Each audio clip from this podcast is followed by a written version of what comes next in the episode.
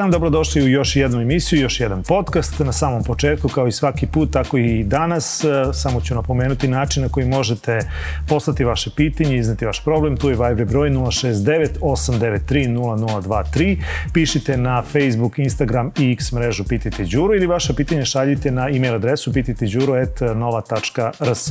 Vrlo često u ovoj emisiji podsjećamo se koliko je bitno voditi računa e, ako ste učesnik e, u saobraćaju, bilo da ste pešak ili vozač. E, dakle, bezbednost saobraćaja je nešto što nas okružuje i bez čega svi mi živjeli u gradovima ili u selima ili e, dakle u naseljenim ili nenaseljenim putevima moramo voditi računa kako se ponašamo u saobraćaju, a e, uz to treće nedelje novembra je nedelja kada se obeležava svetski dan stradalih u saobraćenim nezgodama, pa je moj današnji gost, zato danas Bogoljub Janković, čovjek koji, čije dete stradalo početkom ove godine na e, njegovu čerku Nikolinu je naleteo vozač e, i usmrtio je na pešačkom prelazu.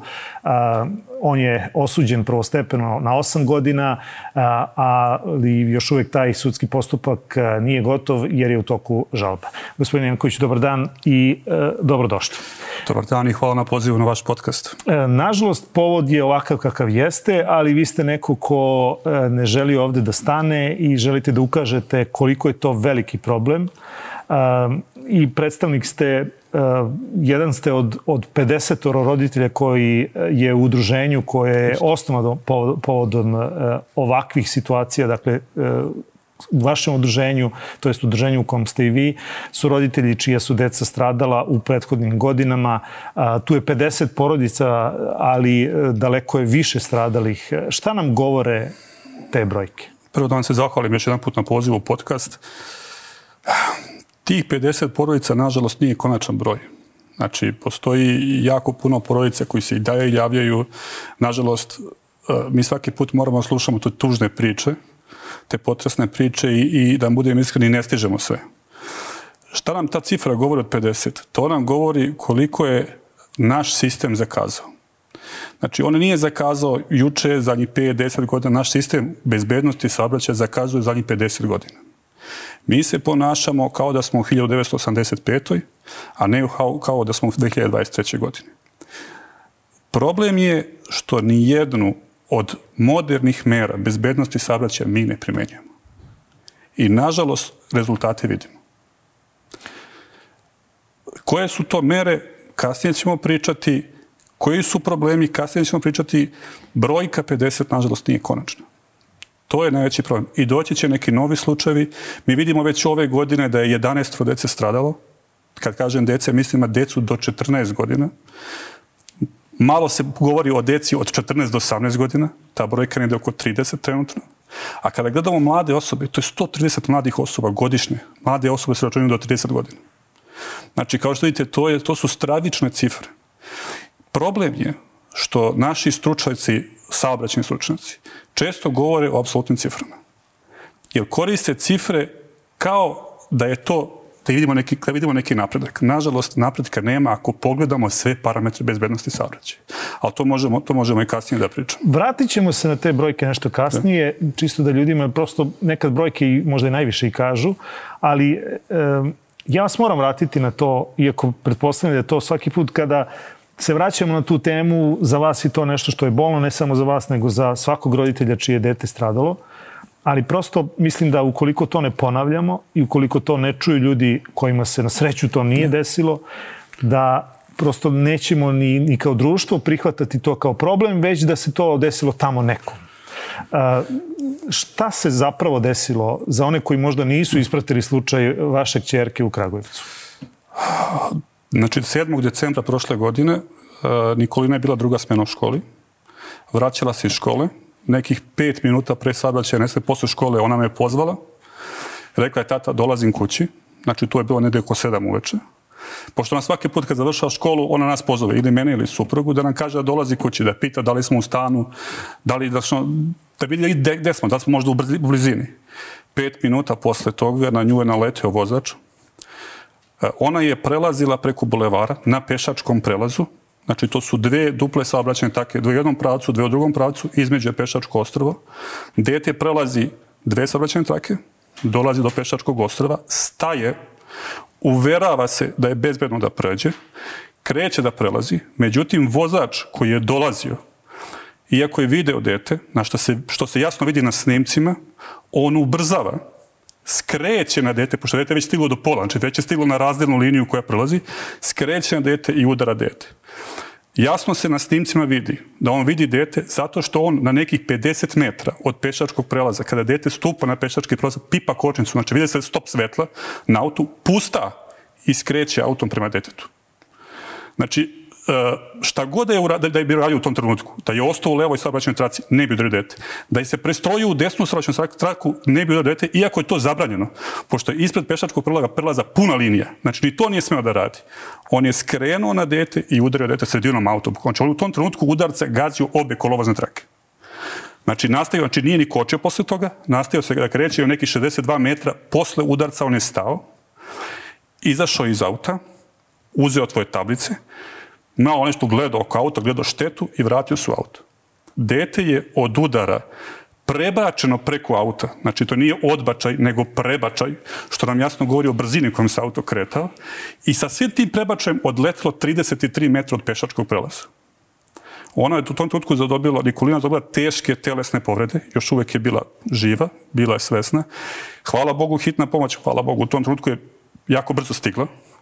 Odveli su u klinički centar, nama su javili ti ljudi koji su bili, bili svedoci, eh, šta se desilo, mi smo stigli u klinički centar, nama je već posle dva sata neurohirgur, posle snimka, rekao da su jako male šanse da ona preživi. Uh mhm. -huh. Da će se boriti, da li su joj nekoj terapiju da smanji otok na mozgu, pošto najveće povrede su bile na predelu glave. Eh, predelu glave i predelu grudnog koša su najveće povrede, povrede bile. Uh, oko ponoći, to se bilo znači sve oko oko iz 10 sati uveče, oko ponoći neurohirurgiji operisao. Bukvalno je otvorio lobanju gornju da bi mozak mogao da se širi taj, taj otok. I ona je u tom trenutku imala samo četiri vitalna parametra koje su funkcionične. Znači, od 15 koliko, koliko treba bude, ona imala samo četiri vitalna parametra. Doktor nam je već oko ponoći rekao, dali smo joj šansu da preživi. Znači, on je radio sve što je mogo, sve je ostalo u Božim rukama. Nažalost, posle to je bilo u sredu uveče, znači sedam na četvrtak, u subotu ujutru već nam je doktor rekao da je nastupilo možda na smrt, mm -hmm. znači da je njoj samo srce radi, ali u suštini možda na smrti da je, i da je ishod neizbežan. Mi smo ga doktora molili, oni su već tri puta su radili analize na možda na smrt i tri puta su, tri puta, znači, znači subotu su radili, nedelju su radili, ponedljak su radili, znači tri puta su rezultati bili, bili isti i Nikolina je preminula 1. 1. decembra ove godine, U suštini, njoj, njoj srce prvo sta, prvi put stalo u 11 sati i 30 minuta pre nove godine, znači pola pre nove godine. Doktor, kako je bila dežurna, je vratila u život. Tri puta su je oživljavali, stabilizovali su je oko 4 ujutru, međutim, u pola 9. 1. januara Nikolina je preminula. E, pretpostavljam da kad, ste, kad vam se ovo desilo, da, ste onda tek, da se onda tek otvorila ta Pandorina kutija svih ljudi koji uh, koji su u istom bolu kao i vi. Ehm, vi ste jedan od redkih koji nastupa u javnosti i ehm, ovaj slučaj iznosi u javnost na neki način vrši pritisak na sve oni koje donose odluke da ovoga imamo u Srbiji što manje. Šta vam kažu vaši sapatnici? Kako nastupaju ostali roditelji? E, da li e, je njihov život u potpunosti gotov ili ipak imaju vuku neku snagu možda od dece koja su ostala, braći se stara? E, šta, kako proživljavaju sve ovo? Reći ću vam ono što naši stari kažu. Gore je visoko, dole je duboko. Znači, ja verujem da bi svi roditelji se zamenili sa tvojom djecu da mogu. Isto sekunde. Ali mora da nastave da žive. Mora da nastave da se bore.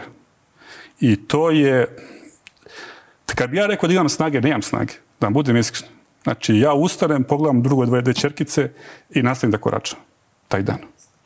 Znači, jel, mora, mora se boriš. A zašto mi ovo radimo? Pa ja, iskreno, moja supruga je krenula sve ovo. Krenula je to zbog druge dve dete čerkice. I straha da se njima to desi. One su mlađe?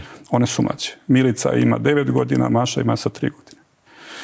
Tako da Nikolina je bila najstarija. Kad se, nakon što je vaša kćerka preminula, šta se nakon toga dešava? Šta se dešava sa ovim čovjekom? Šta radi policija? Dakle, vrlo često mi možemo čitati da je, neki je zovu veštačka mafija. Iako je to sad teško, dakle, ovaj postupak je prvostepeni okončan kad je reč o vašem slučaju ali, ali ipak se može govoriti o tome.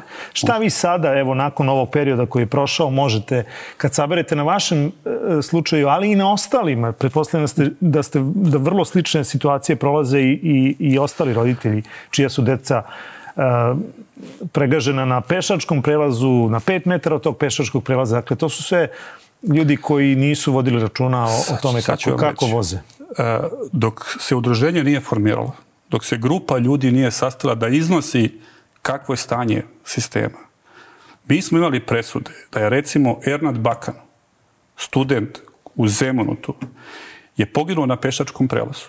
Udario ga je vozač, poginuo je, znači udario ga i on je bio teške telesne poglede i preminuo je, mislim, posle dva dana. Dobio je za to delo 17 meseci. Veštak koji je veštačio, da banalizujem, u svom veštačenju rekao da je on naletio na automobil. On na pešačkom prelazu je naleteo na automobil koji je preticao drugi automobil, znači sa unutrašnje strane ga je preticao, čak je išao i trotoarom delo, delo, delovima točkova, udario dete i usmrtio ga. I što je najgore, to mu nije prvo delo. Za to delo on je dobio sam. Znači, to su bile situacije preformiranja udruženja. Sa, lepo ste rekli, udruženje, jedan od ciljeva je da napravi pritisak da niko više ne sme da dobije 17 meseci. Da zločinci, ja ih nazivam zločinci, ubice, dobiju zasluženu kasnu. Jer nekada davno, kada se formirali pravosudni sistemi, postali su četiri kriterijima kako se određuje kazna. Ja se bojim da u nekom trenutku vremena, prošle godine, pre dve godine, mi se nismo primjenjivali ni jednog od tih četiri principa. Prvi princip je bio da se kazni krivica. Znači, da neko kada počne delo, koje god to bilo, da li je to u saobraćaju, ubistvo, krađa, da se ta krivica kazni. Drugi princip je da počinioc, znači sa visinom kazni, oseti kajanje, da kaže šta sam ja tog u svog života učinio. Mi smo imali situaciju da su počinioci u državi Srbiji dođu na sud i kažu ja se kajem, iako svojim delima ne pokazuju i sud mu to uzima kao lakšavajuću okolnost. Treći princip je bio socijalni princip. Znači, da nikom drugom ne padne na pamet da tako nešto uradi.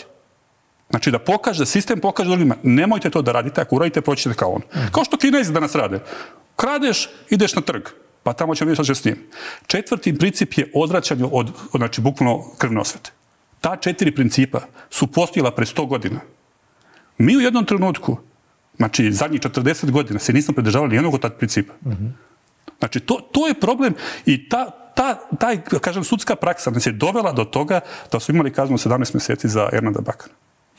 Kad pominjete primere, kako policija, dakle, pretpostavljam da je policija taj prvi korak gde se greške prave namerne ili slučajne, to je sad diskutabilno i od slučaja do slučaja.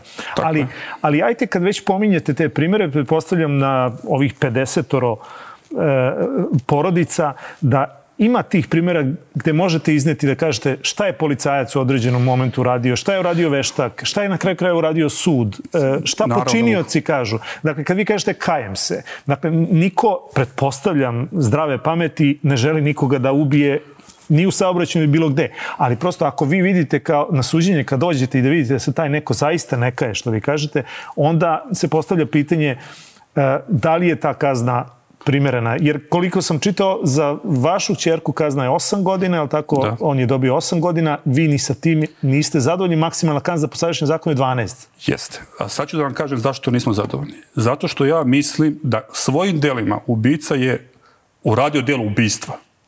Znači, ovo je što sam malo propisao kako je, se on, kako je on vozio auto. To je klasično ubistvo. Bilo koju radnju da je preduzeo, znači koja, kako vozač da se ponaša, on dete ne bi udario. Bilo koje. Znači, vidio je dete. Zašto nije kočio? Zašto nije ostavio svoje straci? Zašto nije skrenuo auto? Znači, ne, on je, bio je sam. Znači, A šta je njegova odbrana bila? on je menjao odbrane. Znači, on je prvo rekao da mu kamion zaklanjao pogled. Kamion se na snimku ide dolazi 30 sekundi posle, posle udara. Uh mhm. -huh. Znači, posle toga je uh, i bila odbrana da je on, ne znam, ratni veteran, da je bolestan, da ima kamen u bubregu, da ima dva moždana udara. Znači, oni su išli na olakšavajuće okolnosti. On je priznao delo teško delo protiv bezbednosti saobraćaja, jer nije mogu protiv kamera. Ali je išao na to da dobije minimalnu kaznu. Znači, njegov advokat, eh, neću mu pominjati ime da mu ne dajem reklamu, eh, mi protiv njega smo podigli tužbu advokatskoj komori, zato što je prekršio 12 članova advokatskog kodeksa. Znači, kako se on ponaša. Ovaj, njegova odbrana se bukvalno menjala iz dana do dana, iz dana u dan. Znači, išao je na to da dete nepažljivo prolazilo ulicu. Pa onda vešta kaže, dete oprezno prelazi put, jasno se vidi snimka. Pa je išao na to da ima moždani udar. Pa se onda ispisa, jasno vidi da je on ima moždani udar, ali pre 10 godina. I da nema novih promjena, da mu, da mu lekar prepisao aspirin i ne znam ja šta. Znači, do, do toga je išlo da je na zadnjem ročištu, znači na zadnjem pretresu, advokat odbrane došao i rekao, ja tražim izuzeće sudije, ja sam to poslao pre 10 dana sudu. Te sudija je začuđena. Kako ste ih poslali? Ja to nemam, nisam videla. Sudija zove predsjednicu suda, koja treba da ima to, koja treba da odlučuje, odlučuje. Kaže, ja nisam videla.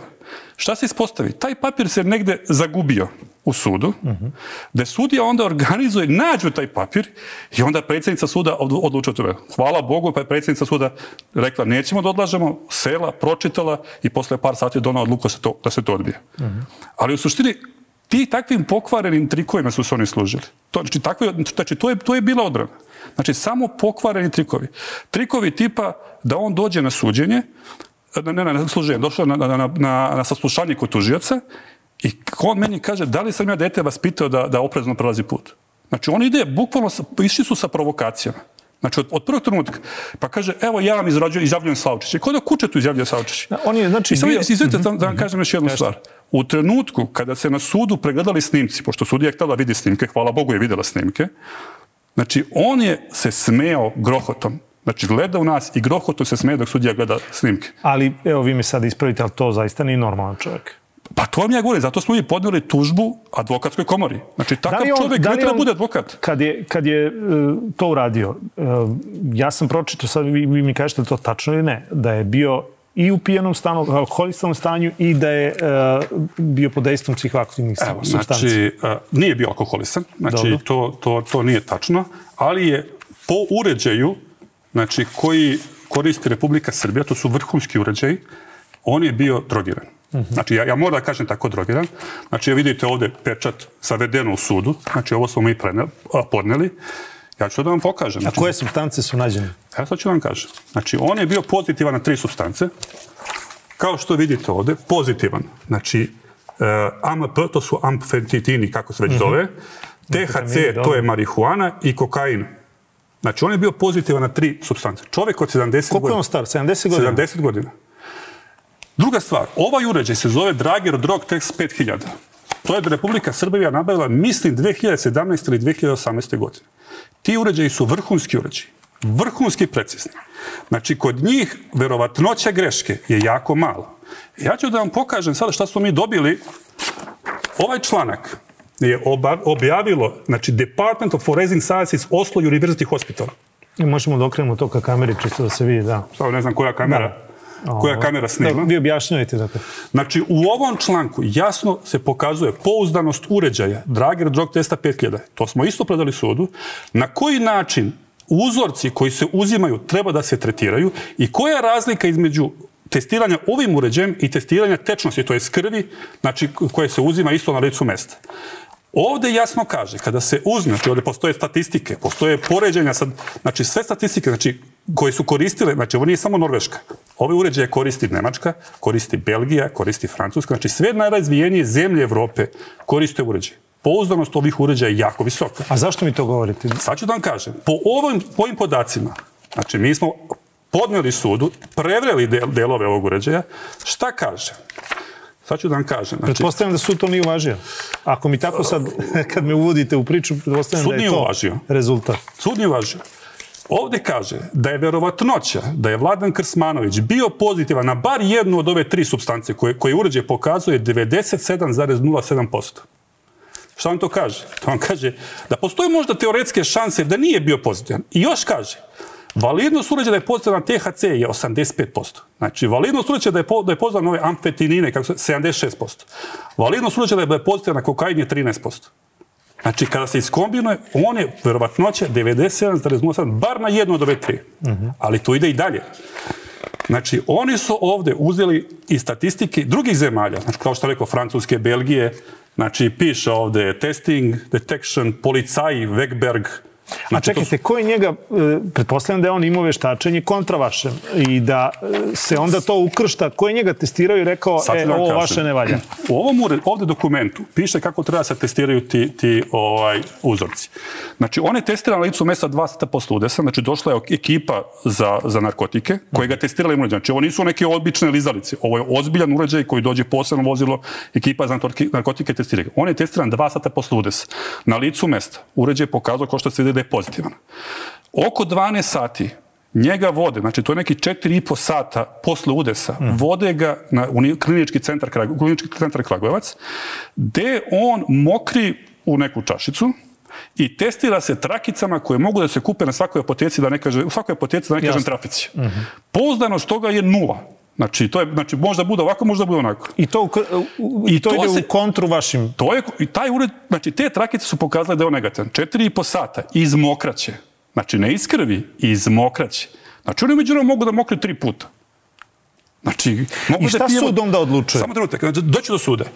U posle toga, oko jedan sat, uzimemo se dva uzorka krvi pošto tuživac ne veruje, sad ne zna šta da veruje, da li da veruje uređaju, da li da veruje ovim trakicama. Uzimaju se dva uzorka krvi, ti uzorci krvi treba da se, da se, da se nose na VMA. Znači, to, je sve, to se dešava sve 8. Jan, 8. decembra rano ujutru. Ti uzorci krvi u Kragujevcu ostaju mesec i po dana. Mesec i po dana prema što su poslati u Beogradu. Pa ja se pitam, šta su uzorci tražili meseci po dana u Kragujevcu? A ovde jasno piše kako treba da se testiraju uzorci. I da ne date da su dani bitni, sati su bitni. Ovde kaže... I onda da, kaže da ti uzorci nisu kako treba, ali tako? Ne, oni su poslati posle meseci po dana. Ja ne znam kako su tretirani. Ovde kaže da treba se stavlja natrium hlorid u te uzorke da ne bi se smalo, smanjio nivo, nivo ovojga, uh, tih narkotika u krvi. Uh -huh, uh -huh. Postoji poseban tretman kako to treba da se uradi na VMA... Znači, neko je to namerno radio? Ja ne znam, ja to ne mogu da tvrdim. Znači, ja kažem činjenice šta se dešavalo. Posle meseci i po dana je otišlo na VMA, sve VMA je stigao rezultat negativan. A šta, šta drugi... I zbog toga sud nije mogao da ga tera za narkotike. Uh mhm. -huh. Da ga tera za narkotike. Znači, on je ovih 8 do godine dobio samo po jednom osnovu? On je dobio po osnovu obaranja pešaka na pešačkom prelazu. Dobio 7 godina za, za teško delo protiv bezbednosti saobraćaja, ubija, znači ubistvo pešaka na pešačkom prelazu. I ako se bude dobro vladao? I dobio godinu dva meseca za, za ukazivanje pomoći. Ako se bude dobro vladao tih osam godina objedine kazne, on, njemu će se otpisati dve trećine kazne. S tim što taj zatvor koji će on ići posle apelacije, verovatno će apelacija, ne zna šta će uraditi, posle apelacije, znači on tiče, tiče zatvor koji ima, koji je otvorenog tipa. Taj zatvor otvornog tipa znači da on ne dobije robijašku uniformu, da je taj zatvor ima smanjenu stražu, ako opšte ima stražu, da ima slobodne aktivnosti, da ima slobodne vikende, da ima godišnji odmor. On ima godišnji odmor. U suštini, ljudi koji odu u zatvor otvornog tipa, Znači, efikasno vreme provedeno u zatvoru je manje od polovine kazne koje mu je sud odredio. A drugi slučajevi, dakle, ja moram prosto i, drugi i to da vas pitam. Dakle, dajte još e, primere... Samo da vam kažem, po, a da, po, pa da onda dođemo do onoga što vi u suštini kao udruženje tražite, a to Sad je... da vam kažem. Da krivični zakonik se menja, da on nije dovoljno Tako dobar. Tako je. Samo da vam kažem, apropo, apropo policije, pitali ste me za policiju, to, to vam nisam odgovorio. Uh -huh, uh -huh. Mi nismo imali primetbe na policiju kako su oni radili, informacije koje su nam dali do trenutka da su oni svedočili u sudu. Do, do, do tog trenutka, znači, policajci su radili uviđaj, mi mislimo korektno, informacije koje su nam davali bile su validne informacije. Nama je policija prvo rekla da oni sumljaju, znači na osnovu ponašanja licu mesta da je on bio da drogiran. drogiran. Znači, to je nama policija rekla. Posle toga smo mi krenuli ovo. Znači, nismo mi krenuli da kažemo, e, ajmo da vidimo šta će da bude. Nama je policija dala hint da je on drogiran. A onda na sudu? Na sudu dolaze dva policajca, znači, koji su bili na uveđaju, pričaju suprotno onoga što su oni napisali u zapisnik. Te policajac prvo kaže, ovo je najteži uviđaj koji se ima u životu i najstresniji, Sudija ga pita neke konkretne stvari, on kaže, ja se ne sjećam da je bio dan ili noć. On odbija da kaže. A ko je tu bio drogiran? Druga, druga, Mislim, drugi policajka. Teško je šaliti se na ovakve stvari, pa, ali prosto... Pa, hoću vam kažem, policajka, znači policajka koja je radila uviđaj, koja je tražila zadržavanje, znači u Vladana Krsmanovića. Uh -huh. Ovo je rešenje o zadržavanju. Znači, evo, ne znam koja kamera snima, rešenje koje je potpisala policajka Mirjana Ilić. Na drugoj strani, evo ga i Vladan Krsmanović je potpisao, na drugoj strani tog rešenja, ja ću vam pročitati šta piše. S obzirom na to da je očevidac navedene saobraćaje nezgode, da ne kažem neko, uh, u toj toj ulici postoje osobito okolnosti koji ukazuju da će osumnjičeni ometati postupak uticaj na navedenog svedoka, ukazuju da će osumnjičiti uh, na taj način što bi eventualno u međusobnoj komunikaciji i dogovoru mogli da daju izjave koje ne odgovaraju činjeničnom stanju što bi uticalo i ometalo vođenje postupaka, kao i opasnost od bekstva osumničenog, s obzirom da je isti u toku vršenja uviđaja saobraćaja nezgode usmeno izjavio da će napustiti ovaj grad u prisustvu policijskih službenika za vršenje uviđaja. Znači, on je na licu mesta pretio Rekao da će pobeći i, i oni ga ne stavljaju u pritvor. Oni ga stavljaju u pritvor 48 sati. Sudija, dežurni sudija, ga posle jednog dana oslobađa uz obrazloženje da nema opasnosti da, beži, da će onda beži iz države, jer nema pasoš. A on u tom trenutku možda pobedne u koju hoće zemlju okruženja. Znači, policajka ovo uopšte nije htjela da svedoči na sudu. Ona je rekla da je on sarađivao, da je bio korektan, da je bilo sve super, sjajno i bajno. A imate li vi razloge? Ste pitali te ljude zašto menju iskaz? Su vam rekli oni neka? Mi smo podnijeli prijavu, e, znači načelniku policijske uprave u Kragovicu, Na to smo dobili da su policajci profesionalno radili svoj posao. Posle toga smo prodali prijavu načelniku uprave saobraćene policije. Ja se nadam da unutrašnja kontrola sad radi postupak po povodom ovog slučaja. Mm -hmm. Ja se nadam. Hajde da pređemo na... na... Porodice mm -hmm. ste me pitali. Da. Druge porodice. Znači, uh, ja moram i da kažem jednu stvar. Znači, pre formiranja udruženja kazne su bile jako mizerne. Znači, prosečna kazna u saobraćaju, znači da teško djelo protiv bezbednosti saobraćaja je bila do jedne godine za starije osobe, kad kažem starije preko 30 godina, za decu je bilo oko 3 godine. To je bilo prosječno što su sudovi izricali. Mi imamo sada pozitivan trend u nekoliko presuda, gde su sudovi konačno rekli dosta više i mislimo da je to uticaj ovog udruženja, ali uticaj i nekih državnih institucija koji su rekli da treba nešto da se promeni. To ja mislim, ja ne znam. I imamo naš slučaj gde je bilo objedjena kazna 8 godina. Imamo slučaj devojčice Nađe Tasić iz Lebana gde je bilo 7,5 godina.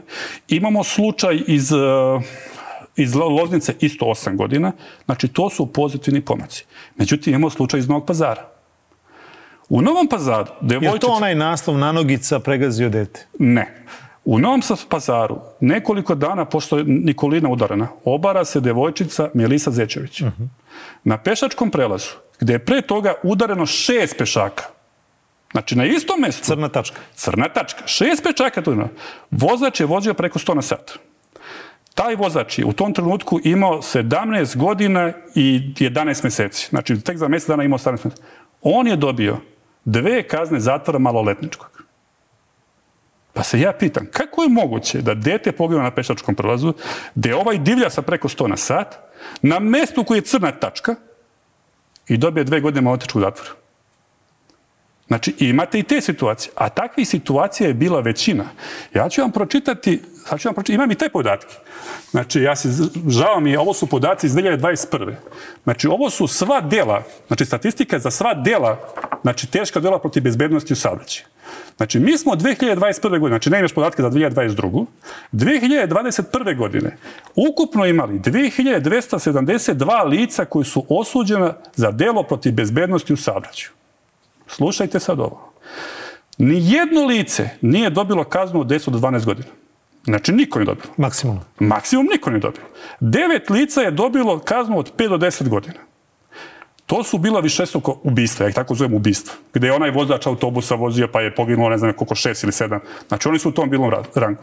12 lica je dobilo od 3 do 5 godina, 25 lica od 2 do 3, 34 lica od 1 do 2 godine i tako dalje. Kada pogledate procentualno, od tih 2272 lica, samo je 7,8% osuđeno na kaznu zatvora. 7, znači 93% nije dobilo kaznu zatvora. Ostali su dobili 68% uslovnu kaznu, 7,7% kaznu kućnog pritvora, nanogice i ostale zezancije.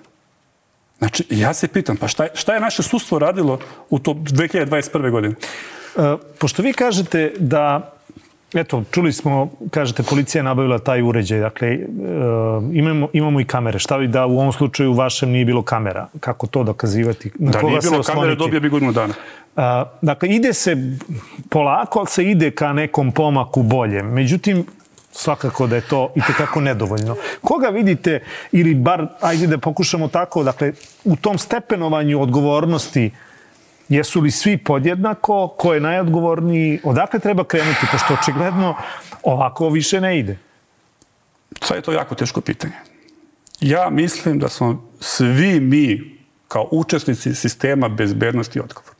Iskreno to mislim. Znači, ovde u ovim slučajima ne možemo kažemo osoba X je odgovor. Mm -hmm. Ja zaista to ne mogu. Znači ja imam pozitivne iskustva, znači uz, od, posle sastanaka sa gospođom Zagorkom Dolovac, posle ministarstva unutrašnjih poslova, zaista su pozitivne iskustva.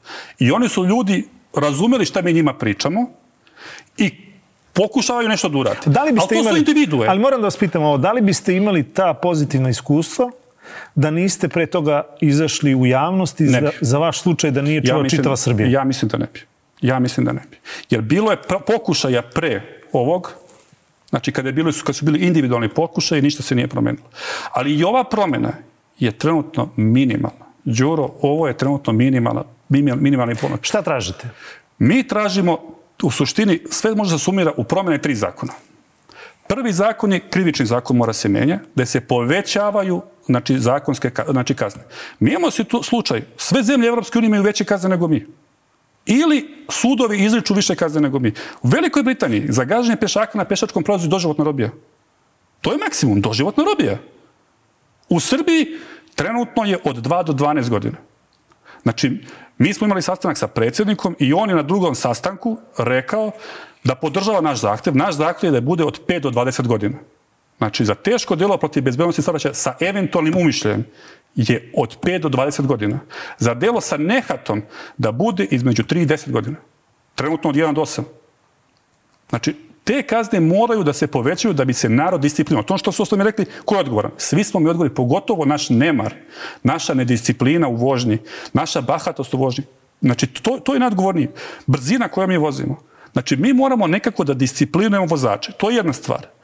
Druga promjena je promjena zakona o bezbednosti saobraćaja, gde će se primjenjivati koncept urbane mobilnosti. Ja ne znam da li je, mislim da je Igor Velić bio kod vas. Jeste, bio. On je pričao koncept urbane tome, mobilnosti. Mi ljudi moramo pređemo to. Cela Evropa prelazi na to. Svi imaju rezultate. Mi se ponašamo kao što sam malo pa rekao, kao da smo 1985. godina. Naši stručnjaci za saobraćaj fakultetu ne znaju šta je car sharing. Pa to je, to je neverovatno. Da se ja pitam, prva, prva bi opcija bio rasformirati saobraćajni fakultet u Beogradu. Znači, oni ljudi proizvode stručnjake, ja se izvinjavam znači, ljudima, znači tim inženjerima, oni prva predmet treba da budu nivelacija šahte u ravni puta. Kad to savladati, idemo sljedeći predmet. Baš tako. Znači, ljudi moji, znači, ne, ne može tako. Da li se... I samo ti kažem, treća stvar. Treća stvar je promjena zakona o prekršajima. Šta tražimo sa tim? Promjena zakona o prekršajima. Mi imamo akutni nedostatak saobraćene policije. Znači, to kaže... Si, znači, vidjet ćete da sve manje i manje policijski patrola na ulicima. Znači, tražimo... A tu ću vam reći, imamo kamere. Imamo kamere, ali imaš drugi problem. Nemaš analitiku na kamerama. Ti imaš kamere koji ti daje stream, ali nemaš softver koji će da automatski prepoznaje prekršaj i da, i, i, da, i da izbacuje kaznu. U Beogradu imaš samo na nekoliko mesta. za crvena svetla, za žuta linija i to je to. U Kragovicu nemaš nigde. Imaš kamere već pet godina. Kupljene su kamere, ali, ali služe kao, kao sletište za ptice. E, tome služe. Znači, znači, treba da se, zameni, da se promeni zakon o prekršajima. U smislu da kada se desi prekršaj, ja kao građanin Srbije mogu da snimim i da pošaljem policiji. I da policija na osnovu toga postupa. Trenutno nema što da radi. Uh -huh. Trenutno zakon o prekršajima to ne odbeđuje policija. Znači tu na tom mjestu gdje je vaša čerka stradala, da nije bilo saobraćene kamere, a da je postojao neki snimak on ne bi bio validan na sudu. E, Neko građanina koje ne se zatekao tu. Znači, advokat bi to mogu dobro. I vi tražite promjenu toga? Tražimo promjenu da svako može da snima i da policija postupa. Imate slučajeve vožnje, po, po, znači, suprotno stranom autoputa. Da li je, da li policija može da postupa po tim slučajevima? Ako ja snimim i pošaljem tablicu. Mm. Ne može. Ne može, da. Jer ja nisam ugrožena strana. Snimam s druge strane. Samo onaj koji, koji mu dolazi u susret možda snima i svoju smrti da kaže evo policija, izvolite, postupajte po ovome. Znači, to, to su absurdi. E, još samo kratko da se vratimo na, na to gde, gde je vaša kćerka stradala. Da li je tu postojalo, pošto i to je jedan od, od segmenta uh, upravljač puta i onaj ko pravi put. Dakle, da li je tu postojalo nedostatak, evo vi pomenuste ovu crnu tačku u Novom pazaru, yes. gde je šest ljudi stradalo, Premeli pa kako se. neko nije video, tu je stradalo šest ljudi, daj da to osvetlimo, daj da tu stavimo Sad prepreke. Mislim, ja, ja pretpostavljam da ne postoji ni jedan glavni grad u Evropi koji ima više ležećih policajaca nego što je, što je Beograd, ali očigledno to ne daje rezultate ili daje neke rezultate koji nisu dovoljni. Da li u, u tom, eto, u tom segmentu ili u nekim drugim slučajevima koje, u, u koje ste vi imali uvid u ovom udruženju, da li je upravljač puta, to jest onaj koji je pravio put, možda bio najodgovorniji i da li se u, na ovoj lokaciji gde vaša kćerka stradala, da li se tu nešto promenilo? Ja, sad ću vam, sad ću vam kažem. Za Novi pazar upravljač puta je jedan od odgovornih. Znači, to odgovorno tvrdim. Znači, ako je poginulo šest ljudi, znači, oni odmah posle prve pogibije, njima indikator, znači, šta i kaže, ovo je izrazito opasno mesto, mm -hmm. pošto lokalni upravljač puta mora da imate parametre koja su opasna mesta i na osnovu toga da obezbedi to. Znači, oni posle prve pogibije mora da postavi platformu. Oni to nisu radili posle šestog puta, iako su ljudi tražili to. Znači, i oni su jedni od odgovornih. Što se tiče moje čerke, znači, nije postojala platforma, postoje pešački prelaz, nije postojala platforma, posle pogibe su postavili platformu. Znači, znači, to, to, znači posle pogibe, možda mesec dana, oni su postavili platformu.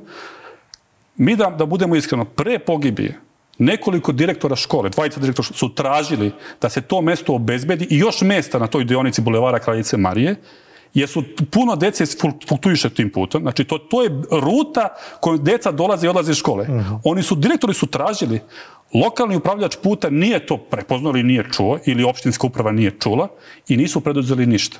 Moja čerka, nažalost, poginula. Što se tiče toga, znači, ko je odgovoran, recimo, lok, znači, svaka opština treba da ima lokalnog saobraćenog inspektora. On kontroliše lokalnog upravljača puta. Kakvo mi stanje na terenu imamo? imamo da je taj čovjek zapušten, zapušten u opštini, a treba da kažnjava lokalnog upravljača puta koji je angažovan opet od toj iste opštine. Mm -hmm. Pa ko će to da radi? Neće radi niko. Znači, on bukvalno kaže, ajde kaznim sam sebe. Znači, to, to, je, to je situacija koju, koju, koju, smo, koju mi imamo na terenu. I nama ti saobraćeni inspektori, ti lokalni saobraćeni inspektori, nemaju ih sve opštine, možda pola opština ima, pola nema, oni služe više kao, aj kažem, dekoracija. Umjesto da imaju ovlašćenja da kažu, ajmo da vidimo ko je lokalni upravljač puta, zašto ovo mesto nije obezbeđeno.